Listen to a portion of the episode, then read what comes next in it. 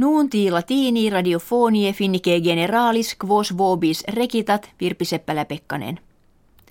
Moderatores Italie politici presidentem Giorgio Napolitano appellaa verunt ut ad crisim politicam solvendam candidatus presidentatus esse dignaretur. Cum ille annuisset delegatis parlamentaris sexto suffragio tandem contigit ut presidentem eligerent. Napolitano qui primus est presidens Italiae iterum electus, ex mille septem votis septingenta duode quadraginta accepit. Presidens Napolitano octoginta septem annos natus, anno bismillesimo sexto un decimus presidens rei publicae Italiae in septem annos electus est. Jus jurandum presidentiale eodem anno idibus maiis juravit – est primus presidens Italiae quod factionis communistike membrum fuerat.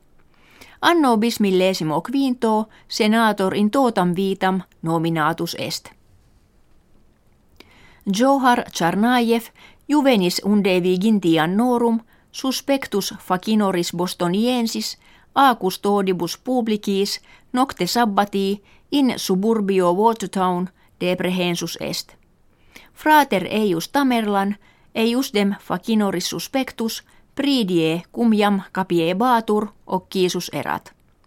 Quibus rebus cognitis, kives bostonienses, in viis urbis bantur et exultabant. Si Johar Tsarnajev in judicio skeleris bostoniensis convictus erit, fieri poterit ut capitis damnetur. Immanitas facinoris et magnus numerus victimarum penam mortis commendant, sed contra sunt etas eius juvenilis vita antea integra, nec non quod excogitator ictum principalis non habetur. Duo viri qui ictum contra tramen canadense molie bantur, a custodibus publicis capti sunt. Unus deprehensus est in urbe Toronto, alter Monteregali. Consiliad scelus preparandum a gregibus cum al junctis qui sunt in Irania acceperant. Nihiltamen ostendit moderatores Iranie cum illis viris cooperatos esse. Judicium Hispanicum de liberat an RV Falciani designator programmatum qui de furto clandestinarum rationum argentariarum accusatur in helvetiam tradendussit. Illis rationibus palam factis ingentes pecunie ab exactoribus abscondite in lucem venerunt. Itaque in Hispania, Frankia, Italiaque, complures centeni miliones euronum in erarium exigi potuerunt. Actor publicus Hispaniae judicibus affirmavit illum falciani eo ipso modo egisse quo ex lege agendum esset.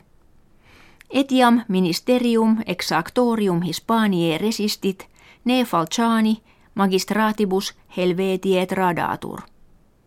Immo gratias illi agit quod auxilio illius ducenti quinquaginta miliones in erarium Hispaniae publicum pecunis propemodum defectum receptisint.